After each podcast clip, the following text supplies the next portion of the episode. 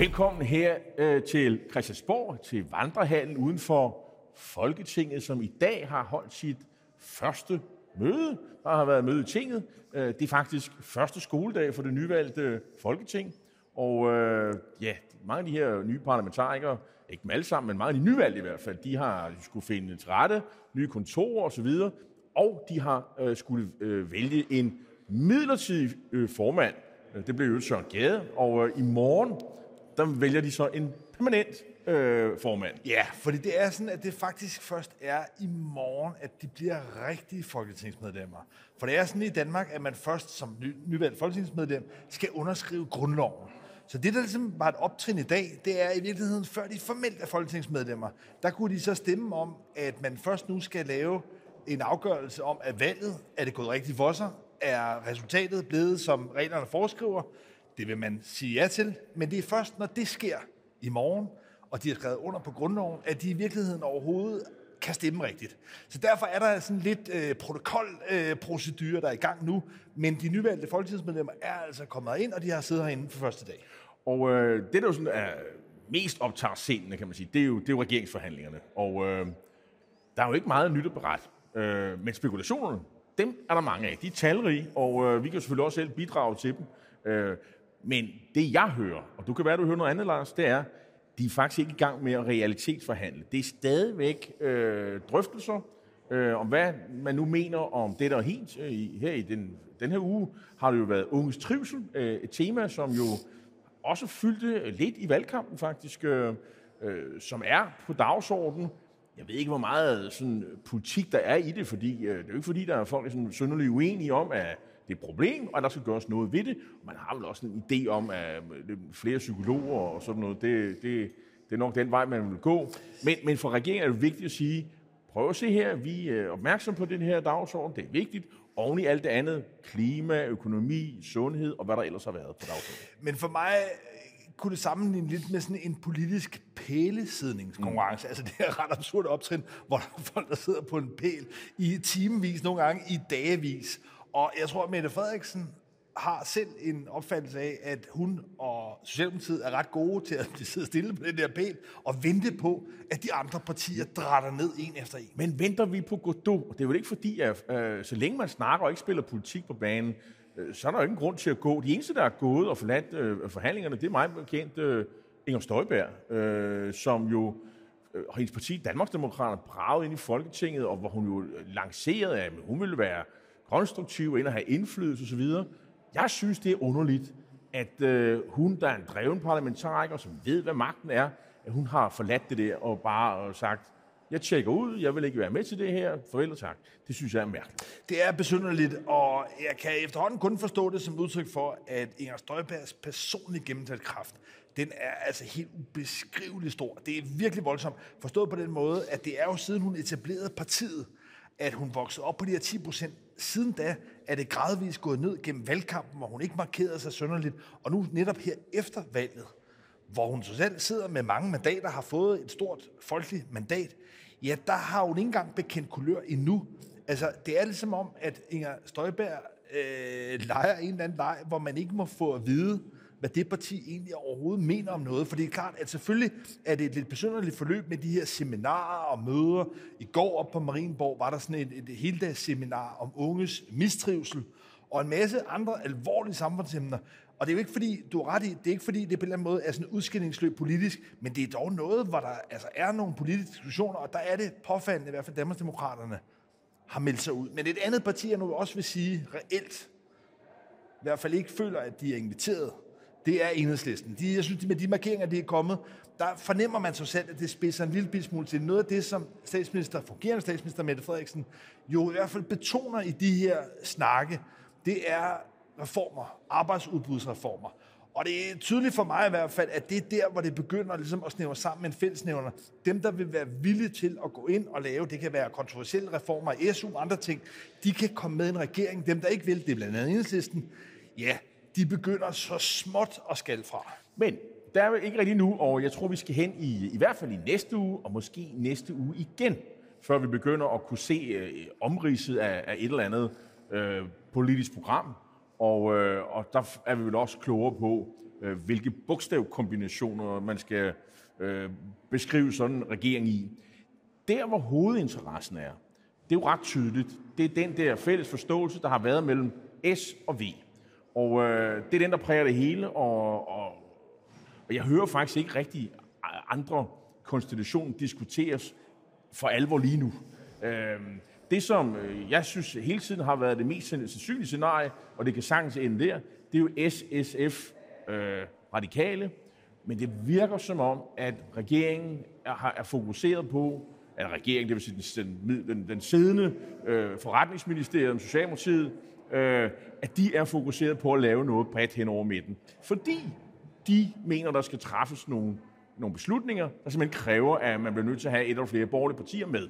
Og det er Venstre, man har udset sig, fordi Venstre er det tilbageblevende store parti, øh, hvor man mm, også mener at kunne se, at man har nogle fælles holdninger til nogle af de ting her. Men jeg vil gerne tilstå, at jeg i lang tid har kaldt det lidt et bluffnummer, når Mette Frederiksen hævdede, at hun ville lave en regering hen over midten. Og det vil jeg altså også vedblive med at hævde, var et bluff. Det var ikke Mette Frederiksens første prioritet, før hun så, hvordan mandaterne er faldet ud. Men den situation, der er herinde i Folketinget nu, der er det såkaldte flertal på 90 mandater, der sådan set er, og det er det, der har gjort, at hun er kongelig undersøger, det er så skrøbeligt. Det er noget... Hvorfor er det skrøbeligt? Altså, øh, kan hun ikke regne med enhedslisten? Kan hun ikke regne med alternativet? Nej, det kan hun dybest set ikke. Forstået på den måde, at i den økonomiske krise, vi står overfor, de fleste økonomer spår, at efter inflationen, den eneste måde inden, inden en inflation på, det er i virkeligheden, at der kommer en recession, at priserne falder, fordi folk pludselig mister øh, altså økonomi, mister efterspørgselskraft, og i den situation, ja, der kan man komme ud i en situation, hvor der skal træffes mange også upopulære beslutninger. Og der ved man altså, i hvert fald Socialdemokratiet ved, at der vil de få meget svært ved at regne med både enhedslisten og alternativet. Så i praksis, i forhold til at have et regeringsdueligt flertal, der er erkendelsen i Socialdemokratiet, at som mandaterne er faldet ud, ja, der bliver man altså nødt til at æde nogle, øh, nogle beskidte aftaler med nogle andre partier, nogle borgerlige partier, og der er det altså, at for Socialdemokratiet, at Venstre byder sig til, som det sådan mest stabile, forudsigelige samarbejdspartner. Beskidte aftaler, det afhænger selvfølgelig helt af, hvad øjnene ser. Øh, vil sige, alle politiske aftaler er jo, er jo, altså, er jo okay. Altså, hvis, hvis man kan finde sammen, sådan har, ser jeg i hvert fald på det. Øhm, Nå, men jeg, jeg, jeg, jeg, jeg bare lige sige, med, med, med beskidte forstået, mener jeg det, at man laver nogle, øh, nogle studehandler. Man laver nogle, nogle, Politik er studehandler. Ja, ja, men man laver nogle kompromiser, hvor, hvor, hvor Venstre, hvis det ender med en SV-regering, hvor Venstre ender med at skulle føre en politik, som de sådan set har ført valgkamp på, ikke at vil gøre, og på samme måde med Socialdemokratiet, der ligesom også skal øh, komme nogle indrømmelser. Og på den måde mener jeg, at det er en beskidt handel, men det er en handel, og den fungerer parlamentarisk politisk fuldstændig efter bogen. Vi kan bruge forskellige ord. øh, jeg mener, alle, alle politiske aftaler er okay. Øh, det, det, det synes jeg derfor, man har et, et demokrati og, og et parlamentarisk system, som vi har. Øh, man kan ikke få hele pakken af det, man ønsker sig. Men øh, det interessante er jo, hvor Venstre står i det her, fordi jeg synes, det er tydeligt, Socialdemokraterne er interesseret. Det, det er der faktisk ikke rigtig nogen tvivl om længere. Der, hvor tvivlen står, det er, er hvor, hvor, hvor interesseret er Venstre. Øh, og, og der er mindst to hold i Venstre, øh, som kigger på det her, og det er selvfølgelig Jacob Ellemanns prerogativ, som det jo hedder. Det er hans afgørelse, det anerkender man. Så hvis han synes, det her det vi gør, vi går i regering med Socialdemokratiet, og måske et, et eller flere partier, øh, yderligere, øh, så er det det, man gør. Men indtil videre, så er holdningen vent og se. Lad os kende prisen på grisen, tror jeg, Søren Gade fik formuleret det på valgaften. Øh, de vil gerne se, om hvor meget indflydelse de får. Så er der også det, som vi talte i sidste uge. Der er jo en fælles interesse i, at, øh, at lykke. Øh, det er måske mest Socialdemokraterne, der ikke er så interesseret i at få lykke med i regeringen. Altså, der ikke gerne en dominerende position. Øh, det er i hvert fald ikke det, man håber på. Og, og, og Venstre er simpelthen et parti, man man stoler mere på. Det er i hvert fald sådan, de ser på det. Øh, det er i hvert fald det, de signalerer. Øh, og, og, og for Venstre er man ikke i, i endnu øh, et sted, hvor man kan træffe afgørelse om det ene og det andet. Fordi, hvorfor ikke? Fordi man simpelthen har blevet præsenteret for et politisk øh, program, øh, politiske forslag, der på en eller anden led kunne indikere, at her har vi nogle indrømmelser. Men, så skete der jo noget i sidste uge. Øh, pludselig, så var Socialdemokraterne glade for, at Søren Gade øh, skulle være formand for Folketinget. Forløbet, det, kom, det kom ligesom ud af det blå. Forløbet var, at øh, sen onsdag aften, torsdag formiddag, der foreslår Jakob Ellemann, Venstres formand, til Mette Frederiksen, at Søren Gade bliver gjort til formand for Folketinget. Og det er en aftale, det er jo ikke en beskidt aftale, det er simpelthen bare en helt reel aftale, som Venstre og Socialdemokratiet ved Jakob Ellemann og Mette Frederiksen, at de indgår sammen. Jakob Ellemann tilbyder det til øh, Søren Gade, der efter at tænkt lidt over det, beslutter sig for, jo, det vil han gerne, og så har man jo øh, et flertal, der der hurtigt også er andre partier, der slutter sig til. Så det er jo i hvert fald et eksempel på, at Jakob Ellemann og Mette Frederiksen, måske lidt som sådan en prøvekanin, en prøveballon, har forsøgt ligesom at forhandle om noget, som jo ikke er noget, der kommer til at afgøre dansk politik, men som dog er sådan en lille tillidsøvelse. En tillidsøvelse, men vil man kunne så sige, at så, okay, hvis man nu er Mette Frederiksen, så siger, nu har I fået den, så skal vi have noget et andet sted. Så skal I give Socialdemokraterne en politisk indrømmelse. Er der den automatik? Nej, nej, det tror jeg ikke nødvendigvis, der er. Altså, jeg tror mere, at det netop bare er en første tillidsøvelse. Et spørgsmål om, kan man ligesom stole på hinanden? Kan man lave nogle aftaler? Og kan man også, fordi det skal man huske, det er, at Socialdemokratiet har 50 mandater, Venstre har 23, det vil sige 73, så kommer der et nordlandsk oveni, men det er i hvert fald langt fra et rimeligt flertal. Så når Venstre og Socialdemokratiet laver aftaler, kan de så i virkeligheden også manøvrere? Kan de forsøge og så få et flertal? Det kunne de i det her tilfælde. Og på den måde bliver det også i hvert fald en, en, en, en prøveklud på, hvordan det parlamentariske setup er.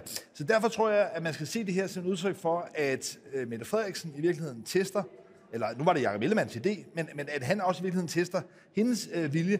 Og det gik godt. Altså, og på den måde er det jo noget, der i hvert fald altså jo ikke fører frem til, at der automatisk på nogen måde kommer en SV-regering, men det er dog noget, der hjælper på vej til, at man så kan indlede de noget mere komplicerede drøftelser om det politiske indhold. Så øh, et lille skridt øh, i retning af den store forbrødning i en øh, SV spørgsmålstegn, spørgsmålstegn regering. Men der var faktisk også en anden aftale, der blev lavet, fordi øh, Jakob Ellemanns søster, Karen Ellemann, hun fik sig også et, øh, et ben, som man kalder det. Hun er blevet generalsekretær for Nordisk Ministerråd. Nå. Og det er jo en post, som i hvert fald folk herinde på Christiansborg undrede sig en lille smule over. Fordi ved du, hvad forskellen på en kamel og Nordisk Ministerråd er? Nej, ikke umiddelbart. Ifølge Karen Ellemann selv, som altså nu er blevet generalsekretær for Nordisk Ministerråd, der, hun sagde det for nogle år siden, så er forskellen, at en kamel, den kan arbejde, den kan knokle i 14 dage uden øh, altså mad og spise, hvorimod Nordisk Ministerråd kan sidde og æde og drikke i 14 dage, uden at bestille noget som helst. Ah, hun var jo minister for øh, Nordisk øh, Råd, tror jeg det var. Ja, og så meget desto værre Nordisk er det, samarbejde at hun det. ligesom var ude og betegne det, tror jeg, som øh, den dyreste kaffeklub. Kaffeklub. Øh, verdens dyreste kaffeklub. Og nu og er nu er hun- altså blevet generalsekretær for verdens dyreste kaffeklub. Men der kan man sige, det er jo i hvert fald et eksempel på en øh, venstreperson, som også nu, kan man sige, får plac- bliver placeret i en lukrativ post. Øh, inden da blev Troels Lund Poulsen udnævnt til formand for statsrevisorerne. Også en lukrativ post. Men, men Karen Ellemann er jo den lidt mærkelige situation, at skulle det lykkes for Venstre at komme i regering, så vil hun få svært ved at få ministerpost, da hun er søster til Jacob Ellemann. Men der fik man altså placeret hende. Så på den måde har Venstre, både med Søren Gade og med Karen Ellemann, altså fået dem placeret i nogle gode poster, noget af det, der bliver øh, fordelt forløbig. Så det er også et små skridt i, i den retning. Det vil du tolke det som? Ja, altså, men det der jo grundlæggende, synes jeg, er i det for Jakob Ellemann, det er, at han står lidt i den her midlife crisis. Altså, skal han øh, blive i politik? Jeg tror ikke, at han selv forestiller sig, at han bliver statsminister efter det her valg. Og med den splittelse af det borgerlige blok, der kan det have meget, meget lange udsigter til, at han kan blive statsminister. Hvis han først erkender, at det ikke skal ske, ja, så står han i det midtlivskrisevalg. Skal han træde ud af politik og fortsætte sin erhvervskarriere? Eller, hvis han bliver i politik, måske prøve at få det bedste ud af det, og så få en tung ministerpost. Det er klart, at hvis han indgår i en regering sammen med Socialdemokratiet, eventuelt hvor det lykkes at holde lykke udenfor, og måske også at holde radikale ude, ja, så vil Jakob Ellemann kunne blive finansminister, øh, udenrigsminister, men ikke mindst finansminister, som på en eller anden måde vil have en post. Det er klart, at det ville jo være kulminationen. Det er svært at se, at Jacob Ellemann nogensinde vil kunne få en mere betydningsfuld politisk post. Så på den måde er det jo noget med at smide, mens jernet er varmt. Og lige nu, der har Venstre altså muligheden for rent faktisk at kunne komme i regering.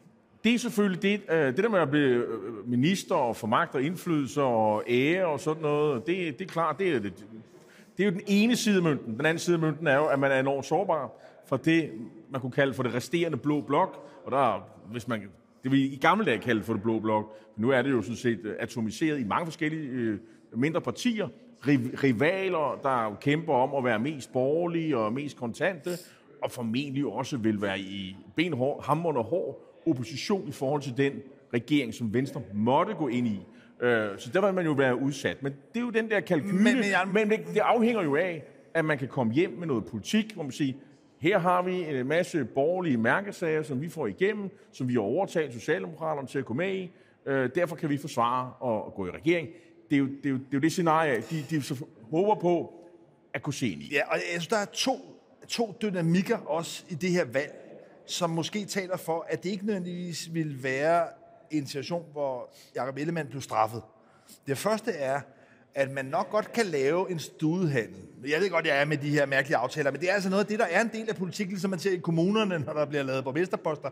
Sådan sker det også inde på Christiansborg. Og noget af det, der tales meget om herinde, det er, hvorvidt Lars Løkke Rasmussen, altså Moderaternes leder, om han eventuelt vil kunne blive spist af med at få kommissærposten. Altså om to år, i 24, der stopper Margrethe Vestager som øh, kommissær i Bruxelles. Ej, ej det, det er da simpelthen for kynisk. Sidder du og siger, at han har stablet hele det her scenarie på benene og overtalt, jeg ved ikke hvor mange 100.000 mennesker til at stemme på sit politiske parti. 15 mennesker herinde har talt øh, så øh, varmt om øh, nødvendigheden af midten i dansk politik, og han har de og de øh, øh, øh politiske idéer, og sundhed skal der gøres noget ved. Og så siger du, at han simpelthen sælger det hele for at blive kommissær om to år. Ah, er politik virkelig så kynisk, Lars? Ja, det er politik for det første, og for det andet... Tror du virkelig på det? Ja. Jeg, jeg tvivler faktisk her. Ja, okay, men det er godt, at du stadigvæk har en, en, lille, en, en lille edel uh, ridder uh, gennem i dig. Jeg synes, det bliver for tykt. Jo, men ikke desto mindre er kommissærposten, den post, Margrethe Vestager har lige nu, er helt uden for nummer den mest politisk betydningsfulde post, en dansker har. Altså, Margrethe Vestager har i Bruxelles som konkurrencekommissær en lang, lang større indflydelse på, hvad der sker i verden, end eksempelvis Mette Frederiksen. Så på den måde er det altså politisk set en virkelig, virkelig tung post. Og så er der altså også noget i, at det om to år og fem år frem vil give Lars Løkke en nogle, øh, nogle meget favorable vilkår. Men jeg, jeg man, kunne, bare, man kunne jo sige, man kunne, man kunne sige, man kan, man kan skal man sige, give ham den præmie, at hvis han kan finde ud af at opføre sig ordentligt og være lojal de to år, hvor han sidder med i regeringen, uden at forsøge at undergrave den, så kunne man jo lave den lokumsaftale. Lad os kalde det. Nå, okay. At, at, at, øh, der var en lille aftale, der var mere beskidt end andre. under den forudsætning, at du har opført dig ordentligt, så, så vil vi gerne sende dig ja. derned, og så har vi ekspederet dig ud, og så får du fem år dernede som tidligere statsminister, så kan du også, øh, hvad skal man sige, så, så, så sender vi også mand med, med noget tyngde dernede. Ja, men det der er pointen her, det er, at jeg tror, Jakob Ellemann Jensens, hvis i hvert fald han er klog, hans primære fokus, det er, hvordan han kan få Moderaterne til at forsvinde igen. Mm, jeg er enig. Og den mest effektive måde at få Moderaterne til fuldstændig at implodere, altså kan man sige, bare gå i indre opløsning, det vil være, at Lars Lykke blev trukket ud, blev sendt til Bruxelles. Og stjæle deres politiske position. Præcis, og det er nemlig den anden del, fordi den første del, det var det her, altså, men, med, altså, nu tager Jacob Ellemanns motiver, ikke også?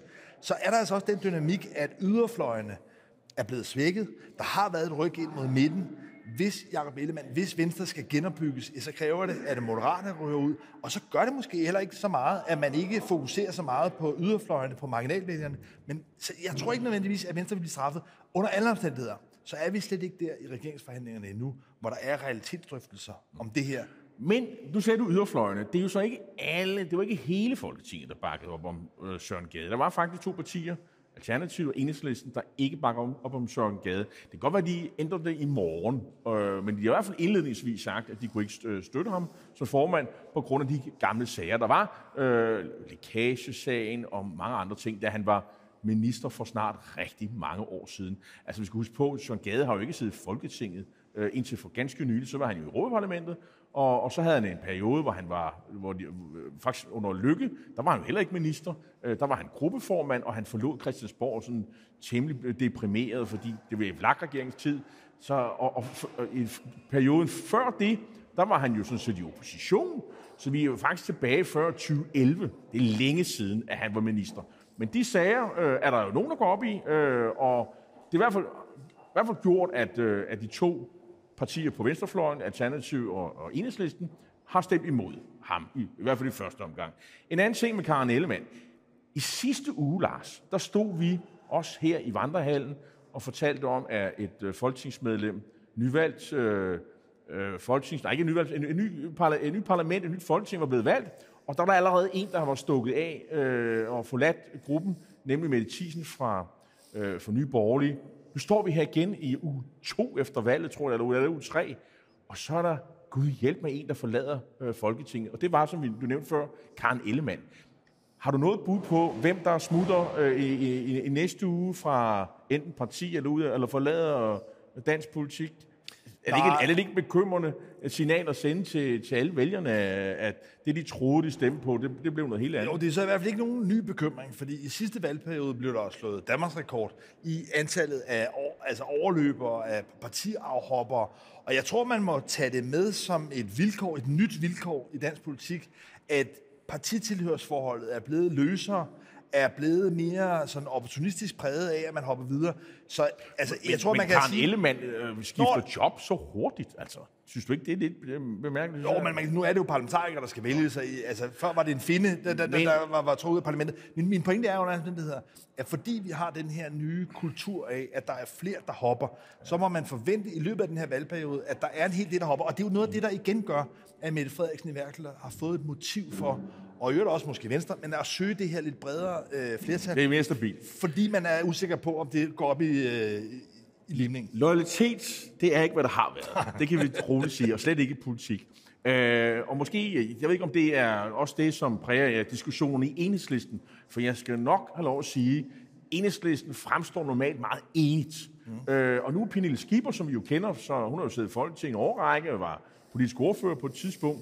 Nu har hun simpelthen taget... Øh, øh, ja, hun har simpelthen øh, øh, udtalt sig sådan, at hun har faktisk skrevet noget i, øh, jeg tror det er politikken, øh, med Brask og Bram, øh, at, at hun synes simpelthen, at den måde, man kører enhedslisten på, det er for 70'er-agtigt, og der er alt for meget øh, unødig snak, har indtryk af, øh, og der skal øh, skiftes ud, fordi hun er meget skuffet over det valg, man fik. Af gode grunde, kunne man sige. Du har også været øgende kritiker.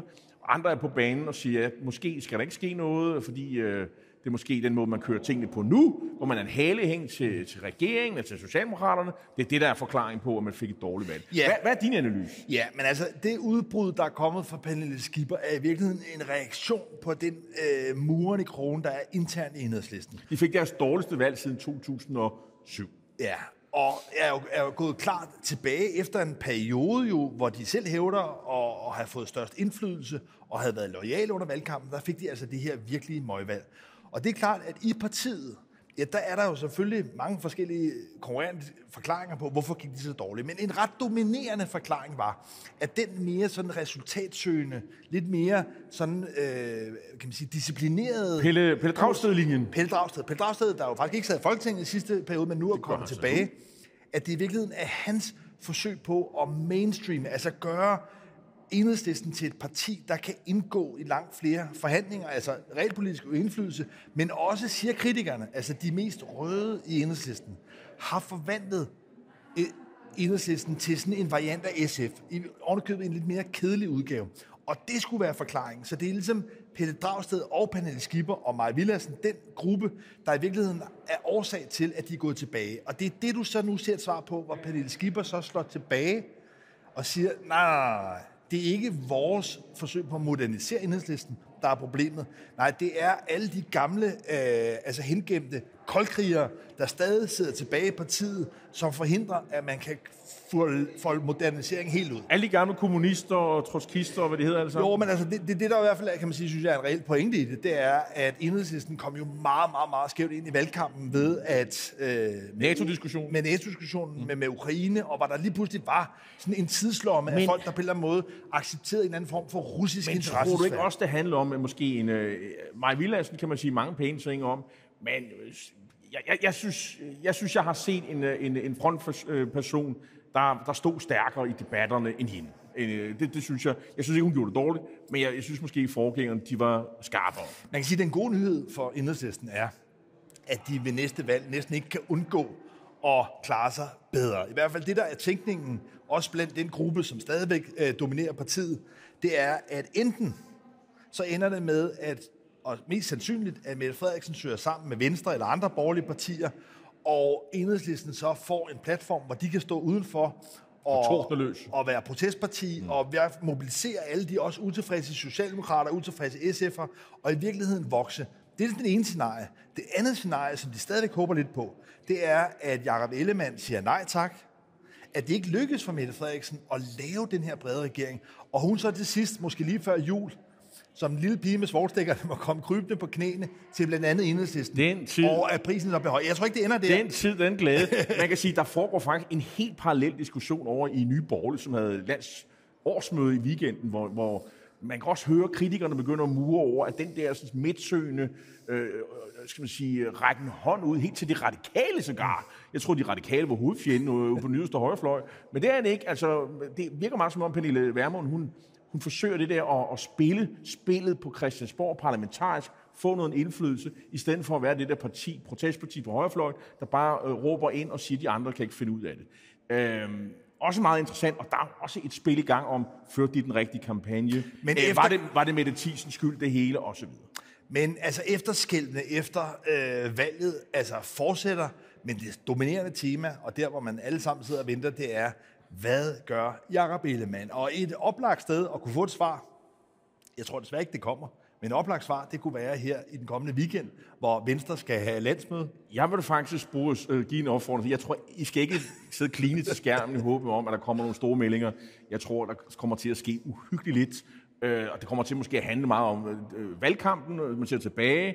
Øh, og måske begynder man at gøde jorden for, hvorfor vi er på vej i regeringen.